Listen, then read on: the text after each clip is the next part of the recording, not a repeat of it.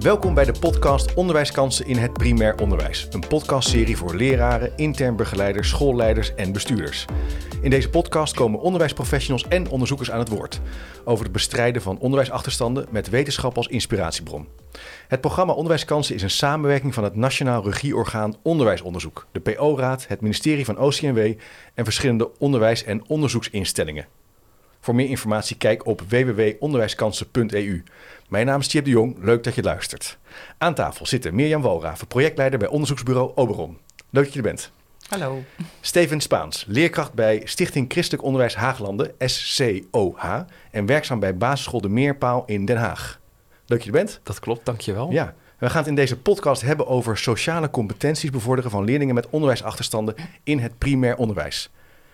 Nou, daar gaan we het over hebben. Mirjam, om maar even meteen gewoon af te trappen.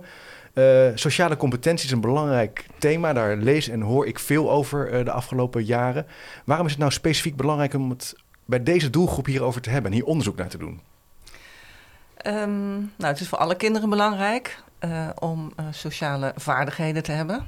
Ja. maar voor deze doelgroep is het goed om daar extra aandacht voor te hebben, omdat het vaak zo is dat ze van huis uit minder in situaties worden gebracht waarin ze die vaardigheden kunnen oefenen. En sociale competentie is een deel kennis, dus dingen weten, ja. vaardigheden, dingen oefenen en ook attitude, dus een bepaalde houding. En die drie, die drie dingen moet je leren door ja, in situaties te komen, ja. sociale situaties, waardoor je dat kan leren. Ja. En het idee is dat uh, uh, nou, in het onderwijs al meer is dan taal en rekenen, maar zeker ook je eigen emotionele ontwikkeling en sociale omgang met anderen. En dat het voor sommige kinderen goed is om daar expliciet aandacht aan te besteden. Ja, duidelijk. Hey, Steven, sociale competenties, dat klinkt ook wel groot. Hè? Ja, ik denk dat aan dat je je netjes gedraagt. Dat je uh, weet hoe het hoort, om het zo te zeggen. Maar het is natuurlijk veel meer dan dat. Kan jij eens even iets meer vertellen over hoe jij dat begrip wat meer zou kunnen duiden en kunnen afpellen? Waar, waar hebben we het dan ongeveer over? Um, nou, ik, ik ben het eens met wat er eh, net gezegd wordt, dat, het, uh, dat de school eigenlijk een oefenplaats is waar kinderen nou, dit soort uh, sociale competenties opdoen, ontwikkelen.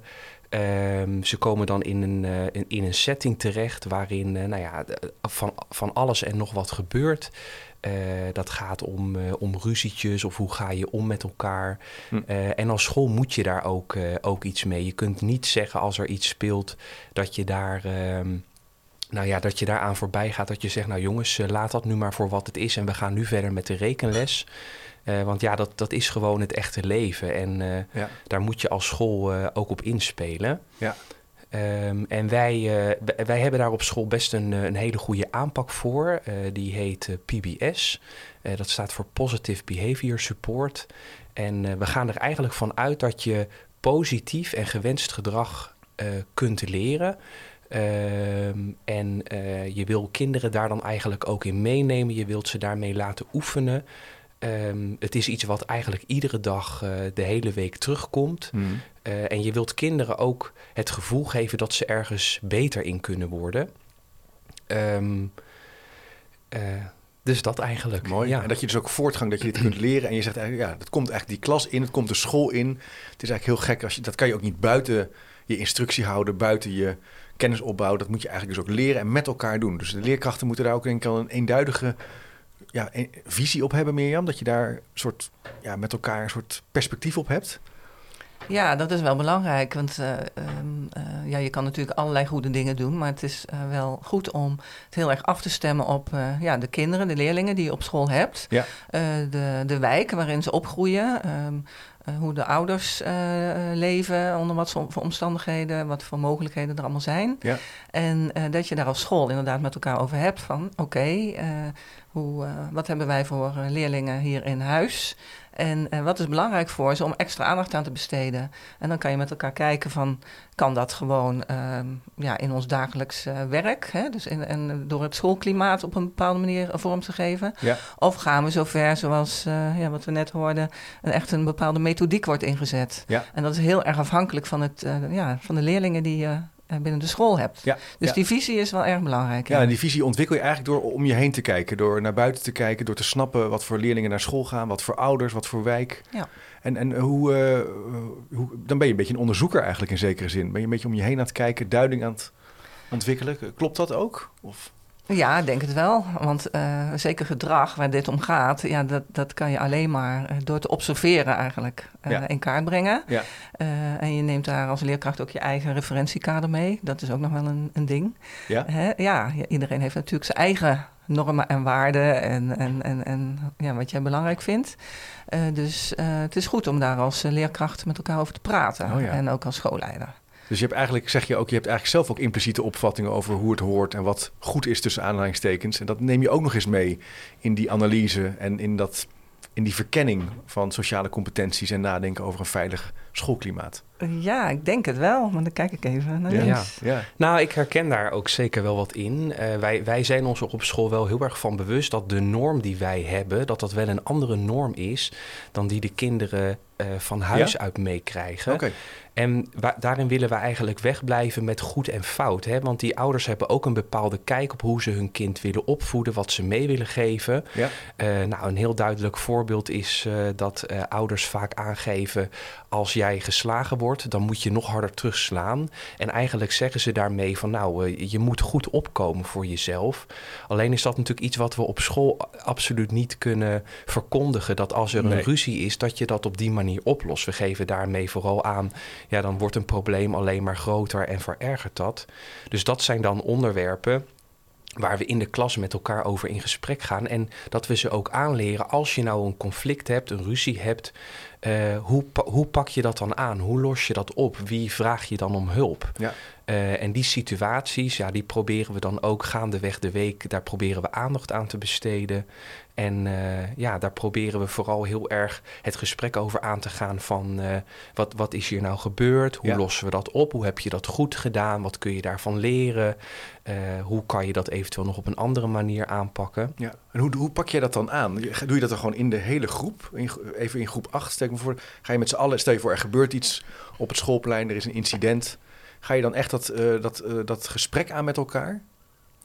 Uh, nou, dat is afhankelijk van. Dat, dat ligt er een beetje aan. Als het iets is wat de hele groep betreft, dan is het vaak wel iets wat we na een pauze bijvoorbeeld, als we weer binnenkomen, wat we dan wel met de hele groep bespreken, wat daar gebeurd is, maar ook wat de rol is geweest van de andere kinderen die, daarbij uh, aan, uh, die daarbij betrokken waren. Ja, ja, ja. Um, we kijken dan vooral ook naar de dingen die wel goed zijn gegaan. Als een andere leerling uh, een van de leerkrachten ophaalt, dan bespreken we ook weer dat dat dus een hele goede nou, eigenlijk interventie is geweest, omdat dat ertoe geleid heeft dat we konden ingrijpen, dat het daardoor gestopt is, dat we het konden oplossen.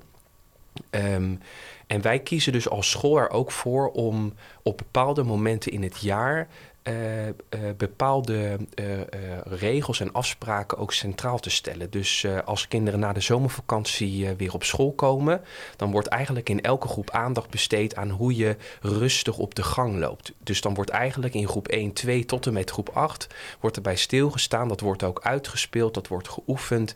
Daar wordt een week lang de focus op gelegd. En andere van die regels die terugkomen is hoe je je bijvoorbeeld in bepaalde ruimtes gedraagt. Stel dat je naar de bibliotheek gaat, uh, dan, moet je daarvoor, uh, dan moet je daar in die ruimte ook rustig zijn. Of als je op de gang aan het werk bent, dat je je daar uh, ook nou ja, op een bepaalde manier rustig gedraagt. Ja, ja. en het oefenen aspect het, ja. komt daar ook eens, ja. dus ook heel duidelijk naar voren. Hè, Mirjam? Je bent natuurlijk mm -hmm. echt aan het inslijten, aan het voordoen. En ook met name steeds weer op vaste momenten eigenlijk dat het past die leerlingen eigenlijk helpen. Maar ze komen natuurlijk in allerlei sociale omgevingen. Dus in die school uh, leren ze dan op een bepaalde manier zich gedragen. Maar ja, komen jongeren nu ook steeds meer op verschillende plekken in zekere zin? En, en, en, en hoe hangt dat dan samen met wat je op school leert? Want ze zullen ook naar de voetbalclub gaan. Daar gelden misschien weer hele andere ja, klopt. sociale regels tussen aanhalingstekens. Ja, nou wat ik wel mooi vind aan dit voorbeeld... is dat dit echt heel erg ja, op het preventieve eigenlijk ingaat. Hè? Want door dit allemaal goed te oefenen met ze, voorkom je gewoon gedragsproblemen. Kinderen die uh, helemaal flippen na zo'n uh, zomervakantie, uh, pestgedrag. Dus je bent heel preventief bezig. En um, nou ja, inderdaad, die verschillende werelden waarin kinderen zich begeven. Hè? Dus de wijken, de vriendjes, de thuissituatie, um, de familie, de sportclub eigenlijk vraagt elke verschillende context weer een ja, bepaald gedrag van je. En nou, dan kan je ervan uitgaan van, nou ja, dat leer je vanzelf wel. Maar soms is het ook goed om het al een beetje voor te bespreken en, en te oefenen. En nou, zeker voor kinderen uh, die opgroeien in uh, ja, soms wat moeilijke uh, thuisomstandigheden. Of, die, of omstandigheden die heel erg afwijken van wat op school de bedoeling is. Ja, ja. ja, vraag je eigenlijk van die kinderen ja, nog meer competenties, zou je kunnen zeggen. Om heel goed te kunnen schakelen tussen die verschillende ja. omgevingen. En nou, dat is ook denk ik goed om daar als, als school het gesprek over aan te gaan. Ja. En preventie, hè? dus voorkomen in plaats van uh, ja, te laat zijn eigenlijk. Hè? Dus eigenlijk al doordacht over nadenken ja. uh, uh, in je school. Maar ook, ja, maar, en, en, wat je ook zegt, dus ze komen dus op verschillende plekken. Dus ze hebben eigenlijk meer sociale bagage nodig dan minder. Maar ik denk eigenlijk bij dit thema ook wel aan het woord burgerschap. Want dat hoor je natuurlijk ook heel vaak de afgelopen, in de afgelopen tijd. Een nieuwe wetgeving, veel scholen die zijn hier ook zoekende naar. Is dit nou hetzelfde als burgerschap? Nou, het raakt enorm aan burgerschap. Ja. Eh, er zijn de wetenschappers, uh, nou ja, er zijn wat verschillende uh, perspectieven op, visies zal ik maar zeggen. Oké. Okay. Um, het is ook niet zo van, oh, dan moeten we ineens ook nog burgerschap, dat is iets totaal anders. Nee, dat raakt natuurlijk enorm aan elkaar. Um, Kijk, sociale competentie wordt wel vaak gezien als dat dat heel erg gaat over de, de interpersoonlijke uh, vaardigheden. Dus met jezelf omgaan, voor jezelf opkomen, uh, zelfvertrouwen hebben. Uh, en de, de intrapersoonlijke vaardigheden. Dus dat je met elkaar kan omgaan, dat je met anderen kan omgaan. Um, en burgerschap gaat dan eigenlijk nog een stapje verder, want dan gaat het ook om jezelf nou, functioneren of zelf functioneren in de maatschappij, in de sociale omgeving. En dan kan je denken van nou, die sociale competenties zijn voorwaardelijk hè, om burgerschap, nou ja, om, om burger te zijn. Maar je kan er ook naar kijken als ja, door burgerschap te oefenen, oefen je ook sociale competenties. Ja, en ik denk dat het allebei waar is, maar ik weet niet wat jij daarvan vindt. Maar fijn dat je het even zo toelicht, want dat maakt het wel duidelijker. Je gaf een hele duidelijke toelichting en uh, uitleg over hoe sociale competenties samen kunnen hangen met burgerschap. Um, Steven, hoe kijk jij nou naar dat burgerschap in relatie tot sociale competentie bevorderen? Ben je, is dat nou een apart domein voor jou in de schoolweek, in de schoolperiode? Kan je er iets meer over zeggen? Uh, nou, ik denk dat burgerschapsvorming heel erg verweven zit bij andere vakken. Uh, wij werken met een uh, internationaal curriculum, dat heet IPC. en daarin um, komt burgerschapsvorming terug. Dat doe je omdat je niet alleen maar aan inhoudelijke doelen werkt, maar omdat je ook met kinderen aan vaardigheden werkt. En wat ik daar bijvoorbeeld heel sterk aan vind, is dat ze uitgaan van een assessment for learning, waarin groei en ontwikkeling centraal staan. En eigenlijk leer je kinderen daarin dat hun leren, uh, ja, dat, dat ze hun leren zichtbaar kunnen maken. En het gaat er heel erg van uit dat ze op een bepaald punt beginnen en gedurende een thema, uh, door eigenlijk bijna iedere dag aan aan dat doel te werken, daardoor, daardoor beter in te worden. Um, dat gebeurt ook wel met, uh, met, met kennisdoelen, met inhoudelijke doelen, maar vaak komen daar dus ook allerlei sociale doelen uh, in terug. Een voorbeeld daarvan is, uh, is samenwerken of je mening vormen of respect hebben voor anderen. Um, Mooi. Ja. Ja. Dus het echt verbinden aan, aan, aan, ook aan, aan met elkaar dingen maken, dingen creëren en ook sociale vaardigheden koppelen aan met elkaar het goed doen en uh, een, een, fijne school zijn. Ja. En dat heet de International Primary Curriculum, klopt, klopt. dat? IPC. IPC. Kijk. Ja. Hey, maar en hoe weet je nou, Steven, wanneer je een specifieke interventie moet inzetten? Dus er kunnen dingen gebeuren in de klas. Nou, je noemde het net al even, een incident op het schoolplein of het gevoel dat bepaalde kinderen niet lekker in hun vel zitten. Hoe, hoe doen jullie dat als team? Eh, wanneer doe je wat eigenlijk? Dat lijkt mij een, een lastige afweging die je toch elke dag moet maken. Um, nou, wij, onze, onze aanpak, uh, PBS, waar ik het net al even over had, daarin gaan we eigenlijk uit dat 80% van de kinderen in de groep, in de school eigenlijk, die zouden aan die, aan die basisaanpak moeten voldoen. Maar als dat nu niet lukt, dan ga je eigenlijk een stapje verder kijken. Nou, PBS biedt daar eigenlijk al een bepaalde reactieprocedure voor, waarin hm. je kinderen eigenlijk wilt meenemen in hoe het gaat. En dat doe je vooral, die reactieprocedure zet je eigenlijk in als het niet zo heel lekker gaat. Je geeft dan aan dat een kind, uh, uh, nou, dat, uh, je laat een kind merken dat hij niet aan de verwachting kan voldoen. Bijvoorbeeld stil zijn tijdens de uitleg of zelfstandig aan het werk gaan. En je gaat dan de aanpak eigenlijk individueel maken. En je gaat dan zo'n kind daarop wijzen van... hé, hey, ik merk dat het niet zo lekker gaat... maar ik verwacht ook van jou dat je net als je klasgenoten... meedoet met de uitleg of nu zelfstandig aan het werk gaat. Nou, als dat dan niet blijkt te werken, dan ga je nog een stapje verder. Ga je een kind eigenlijk een keuze geven of die of meedoet met uh, wat er in de klas gebeurt, of dat hij even een plekje nodig heeft in de klas of eventueel buiten de klas waar hij even tot zichzelf kan komen. Okay. Dat zien we niet per se als een straf, maar dat zien we eigenlijk gewoon even als loskomen van de situatie, van bepaalde druk misschien. Um, en uh, we laten een kind daar dan uh, na een aantal minuten eventjes uh, tot zichzelf komen. En vervolgens halen we het kind op. Dan um, werken we ook weer aan de, aan de relatie. En dan nodigen we het kind eigenlijk uit om, om weer mee te doen in de klas. En heel vaak merk je dat dat dan ook werkt en dat een leerling vervolgens geen nou, moeite meer heeft om ja, ja. mee te komen met wat, wat de rest doet. Stel nou dat het uh, toch nog verder gaat, dat een leerling, uh, nou, dat er iets met de leerling is, dan kan het ertoe leiden dat hij een time-out krijgt. En dan wordt hij wel eventjes uh, buiten de klas geplaatst, vaak bij een, een andere leerkracht ja. of bij de directie. En dan is er ook wel iets meer nodig. En als dat nu heel vaak gebeurt, ja, dan gaan we daar vaak veel meer ja. op inzetten door Helder. te kijken, hey, hoe komt dit nu en hoe kunnen we jou nu nog veel beter helpen? Ja, ja maar het is heel een soort escalatieladder, daar moet ik even aan denken. Je ja. hebt steeds eigenlijk een afweging, oké, okay, dit is wat er gebeurt, nu doe ik deze interventie en dan ga ik een stapje verder. Uh, ja, ik zie een beetje die driehoek vormen. Dat is het response to intervention model. Um, dan heb je die driehoek die aan de onderkant ja, eigenlijk een brede basis heeft. Nou, jullie hebben het dan binnen jullie methodiek, maar je kan er ook breder. Hè, uh, naar kijken. Dus echt vanuit uh, uh, sociale competenties bevorderen. Dan kan je denken, nou, voor de, voor de grootste groep leerlingen is die brede basis voldoende. En dat is meer een preventieve aanpak die voor iedereen goed is. Uh, maar een, een kleiner gedeelte leerlingen, dus dan gaat de piramide, ja, ik ga nu uitleggen, dat zien jullie niet, maar de piramide loopt naar boven en dan de, de, de volgende laag geldt uh, voor kinderen die dat ja, toch wat lastig vinden. Dan ga je iets specifieker uh, aanbod creëren en dan is er altijd nog een heel klein groepje en die zit dan in die bovenste punt van de piramide, waar je echt specialistische uh, of speciale aandacht voor nodig hebt. Mooi. En dat kan je eigenlijk op alle interventies wel plakken, zo'n model. Als je nu luistert en je wil de, de driehoek even visualiseren, dan zal ik een linkje plaatsen in de speaker notes. Dan kan je daar even naar doorklikken. Ja. Uh, nou hoor je ook wel vaak, uh, of ik hoor wel vaak misschien als ouder van, ja het is ook corona geweest. sommige leerlingen die, ja, die hebben nou eenmaal niet zoveel sociale competentie kunnen ontwikkelen. als jij als onderzoeker daar, dat zo hoort, hoe kijk jij daarnaar? Wat, wat weten we daarover?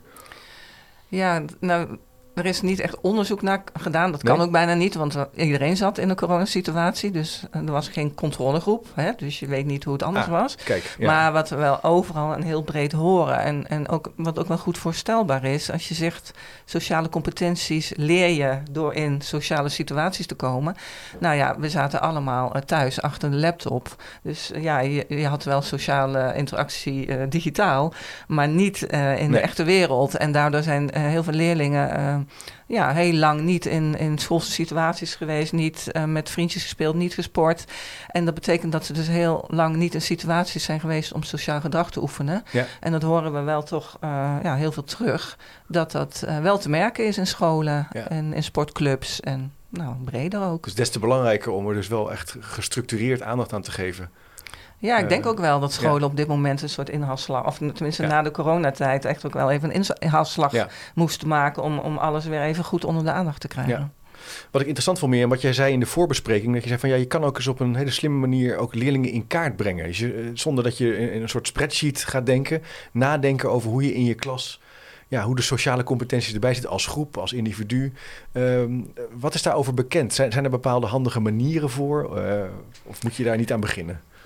nou ja, er zijn de meningen over verdeeld. Uh, er is wel wat onderzoek gedaan, dat is wat gedateerd, waar echt ging, gekeken wordt, werd van wat voor onderzoeksinstrumenten zijn nu uh, goed en valide. Ja. Uh, maar in het algemeen vind ik wel, of zo, ja, zo kijk ik er als onderzoeker naar, maar dat is ook een beetje misschien beroepsdeformatie, dat het goed is om op een bepaalde manier ja, je groep te observeren en in kaart te brengen van hoe, ja. hoe, hoe zit deze klas in elkaar en binnen een school, hoe zien de verschillende jaargroepen in elkaar. En uh, wat vraagt dat van ons als docenten? Hè? Uh, waar moeten we aandacht aan beschenken? Zijn er bepaalde groepjes leerlingen die hetzelfde vragen? Dan kunnen we dat groepsgewijs aanpakken. Ja. Dus afhankelijk ook van of je methode gebruikt, uh, ja, zijn daar vaak ook een soort observatieinstrumenten wel aangekoppeld. En ik denk dat dat heel goed is om, om daardoor dus ook die visie en de aanpak te kunnen ontwikkelen. dus helpt je eigenlijk om je visie te ontwikkelen. Ja, Hey, maar Steven, uh, die, die leerlingen komen natuurlijk ook op allerlei andere plekken. Die hebben vriendjes, uh, sportclubs, uh, ze, ze, spelen buiten. Hoe, hoe, hoe, hoe zorg je ervoor dat je dat ook meeneemt in je visieontwikkeling, in de keuze van interventies? De peers noemde jij het ook wel, hè? Um, ja, uh, wat, wat wij op school wel merken is dat uh, de kinderen best wel uh, goed weten hoe ze binnen de lijntjes moeten kleuren.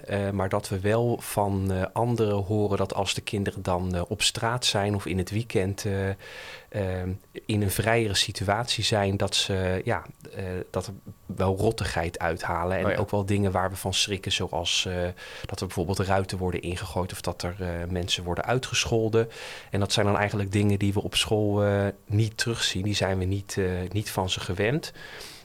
Dus um, Mirjam vertelde het eerder ook al even. Ze weten dan eigenlijk heel goed hoe ze zich op een bepaalde manier in een bepaalde setting moeten gedragen.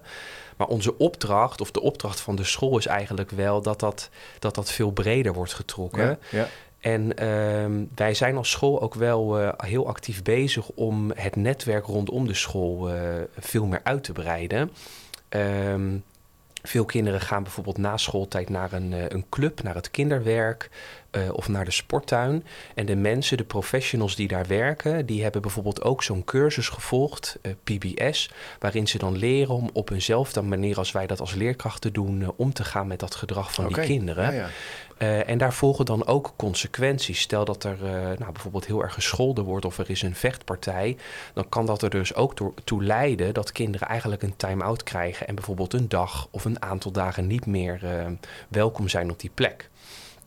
Um, wij hebben bijvoorbeeld er ook voor gekozen om de, super, de plaatselijke supermarkt erbij te betrekken. En die wil ook met ons meewerken. En wow. zo zijn we nog meer aan het kijken of er plekken zijn in de wijk waar die PBS-methodiek, waar we die kunnen uitrollen en waar, ja. die, waar die werkt. Zodat kinderen ook merken dat als ze met verschillende professionals of volwassenen te maken hebben, dat die ook eigenlijk steeds op eenzelfde voorspelbare manier reageren. En dat geeft kinderen dan ook weer heel erg het vertrouwen en ook wel een, uh, ja, ook een bepaalde boost om het, uh, om het te doen ja. zoals ze dat op school uh, geleerd hebben. Ik vind het indrukwekkend hoor, dat jullie dat zo in die regio, hè, in die wijk eigenlijk langzamerhand uitbouwen en ook echt partnerschappen maken, Mirjam. Dus ja. een soort ecologisch systeem bijna, hè? sociaal kapitaalachtig denken. Ja.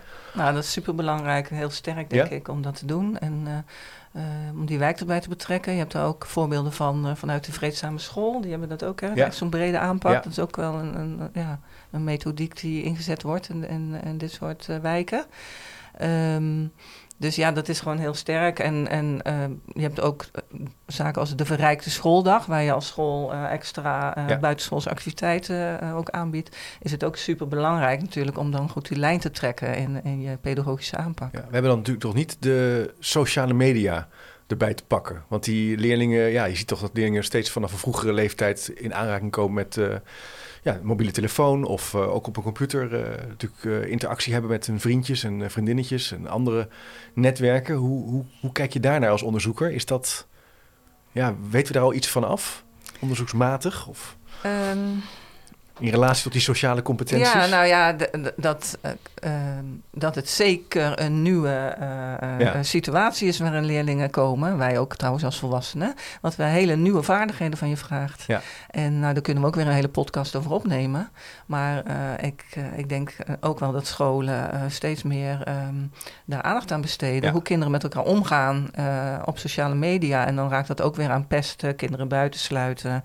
Ja, dat is ontzettend... Um, ja, uh, grote invloed ja. op het leven van kinderen. Ja.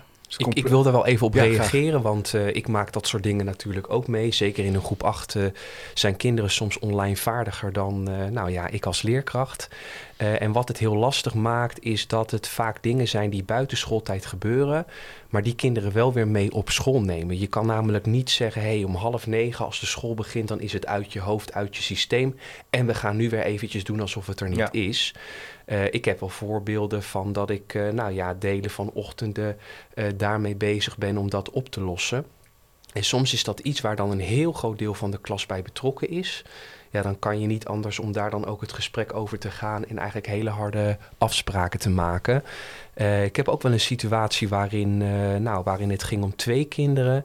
Uh, daar was een hoop mot met het aanmaken van nep-accounts en eigenlijk niet zo goed weten hoe ze, in, hoe ze op school elkaar op een leuke manier konden aanspreken. En dan gingen ze dat, nou ja, ging, gebeurde er online het een en ander. Um, het is heel moeilijk om dat te achterhalen en te ja. kijken wie er begonnen is en om daar uh, een leerling eventueel voor te bestraffen. Maar wat we wel hebben gedaan is dat we steeds het gesprek aan zijn gegaan, ja. dat we ouders op school hebben gevraagd en uh, nou, ik kan wel zeggen dat we dat daardoor ook, uh, ook hebben kunnen oplossen. Ja, het komt gewoon je school in, hè? Het, het komt, komt je klas echt, in. ja. Maar onderzoeksmatig zou ik kunnen zeggen dat is echt wel een veld waar we dus nog veel meer ja, studie ook naar moeten doen om te weten hoe zich dat, hoe dit zich verhoudt tot sociale competenties, wat je wel kan doen, wat je niet kan doen. Ja. Het zijn natuurlijk wel interventies die eigenlijk net zoals een incident op het schoolplein of op de voetbal ga je misschien op dezelfde manier mee om. Ja, de, de, de, de, de, de dynamiek is anders. Het is een telefoon, het, zijn, het is een app, maar ja, de, de gevolgen en de gevoelens ja. zijn misschien wel hetzelfde. Ja, ja. Hm. Ja, we hebben in het artikel daar ook wel links uh, naar gedaan. Ja. Naar uh, toolkits voor mediawijsheid, wat je ja. op school kan doen. Dus ja. Mooi, nou ga, daar zeker even naartoe. Hey, en misschien tot slot, uh, Mirjam, uh, moeten we dit nou, um, hoe ver moeten we nou gaan met het meten van deze sociale competenties? Aan de ene kant is meten een vorm van dataverzameling. Ben je constant natuurlijk als leerkracht aan het kijken naar ontwikkeling. En dan helpt het om ja, een soort foto te maken van de situatie. Ja, aan de andere kant moeten we ook niet doorslaan en alles gaan meten. Wat weten we hier onderzoeksmatig vanaf? En hoe kijk jij daarnaar als onderzoeker? Um, ja, als onderzoeker uh, hou ik altijd wel van meten. Ja, dat is ook zo, ja. En niet om dan uh, iets te, te, te, te, meten en te weten, maar juist van om daardoor beter te kunnen handelen. Dat vind ik zelf belangrijk. En, ja. uh, maar het heeft natuurlijk ook wel keerzijde. Het gaat er uiteindelijk om dat je, dat je gewoon ja, met de kinderen bezig bent en ze wat leert. Ja. En wat bij dit onderwerp ook speelt, en dat, nou, dat is ook goed om discussie over te hebben, is het normatieve. Wat is goed, wat is niet goed? En zeker als het gaat om burgerschap, ja zijn daar de, de meningen ook over verdeeld. Van moet je dat wel willen uh, meten? Ja. Want wat meet je dan? Uh, en tegelijkertijd, uh, ja, als de inspectie langskomt, zullen ze toch willen weten hoe je als school in kaart brengt hoe het staat met de burgerschapsvaardigheden van je leerlingen. Ja, ja. Ja, en op het gebied van de sociale competentie worden er wel twee keer per jaar, uh, in ieder geval bij ons op school, uh, vragenlijsten afgenomen bij de kinderen. Uh, en ik kan wel zeggen dat wij die op school altijd heel serieus nemen, omdat we daar dan wel bepaalde speerpunten uithalen, waar we bijvoorbeeld op schoolniveau of op groepsniveau mee aan de slag gaan. Um, dus stel je voor dat kinderen bijvoorbeeld onveiligheid ervaren in de klas, ja, dan is dat wel iets waar we in een half jaar in gaan investeren om dat te verbeteren. Um, en op die manier, en dan vaak bespreken we dit soort dingen ook met de intern begeleider op school. Ja. En dan schrijven we een plan van aanpak. En, uh, maar die is dus niet alleen maar gericht op het verbeteren van taal en rekenen, maar dus ook wel op, uh, op sociale cohesie in de groep. Mooi. Uh, en ook om, ja, we zien het wel als een hele belangrijke opdracht dat kinderen zich heel prettig voelen op school, dat ze zich veilig voelen. En um, we combineren dat ook met um, executieve functies. Uh, dat merk je vaak als leerkracht weer wat meer. Waar, waar, waar schiet je groep een beetje in tekort? Hè? Is dat bijvoorbeeld op het gebied van plannen? Is dat op het gebied van samenwerken? En je kunt dan kinderen in bepaalde oefensituaties brengen, ook wel met bepaalde spelletjes of met gezelschapsspelletjes om die executieve functies te oefenen.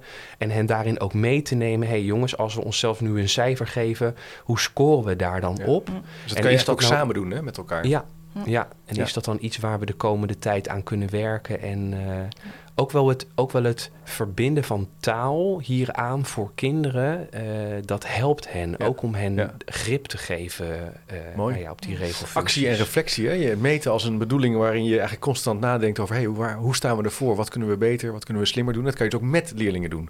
Dat is wel een mooie slotgedachte van deze podcast. Meer, we zijn een beetje aan het eind van de podcast gekomen. Misschien nog een laatste slotgedachte als onderzoeker. Wat is nog iets wat je zou willen delen waarvan je zegt dat is nog belangrijk om uh, te noemen als we het hebben over sociale competenties bevorderen? Een slotgedachte, ja. Ik denk, ehm, ja, waar we het al over gehad hebben, hè, dat, je, dat je goed in kaart brengt van met elkaar ehm, wat voor leerlingen hebben we in huis.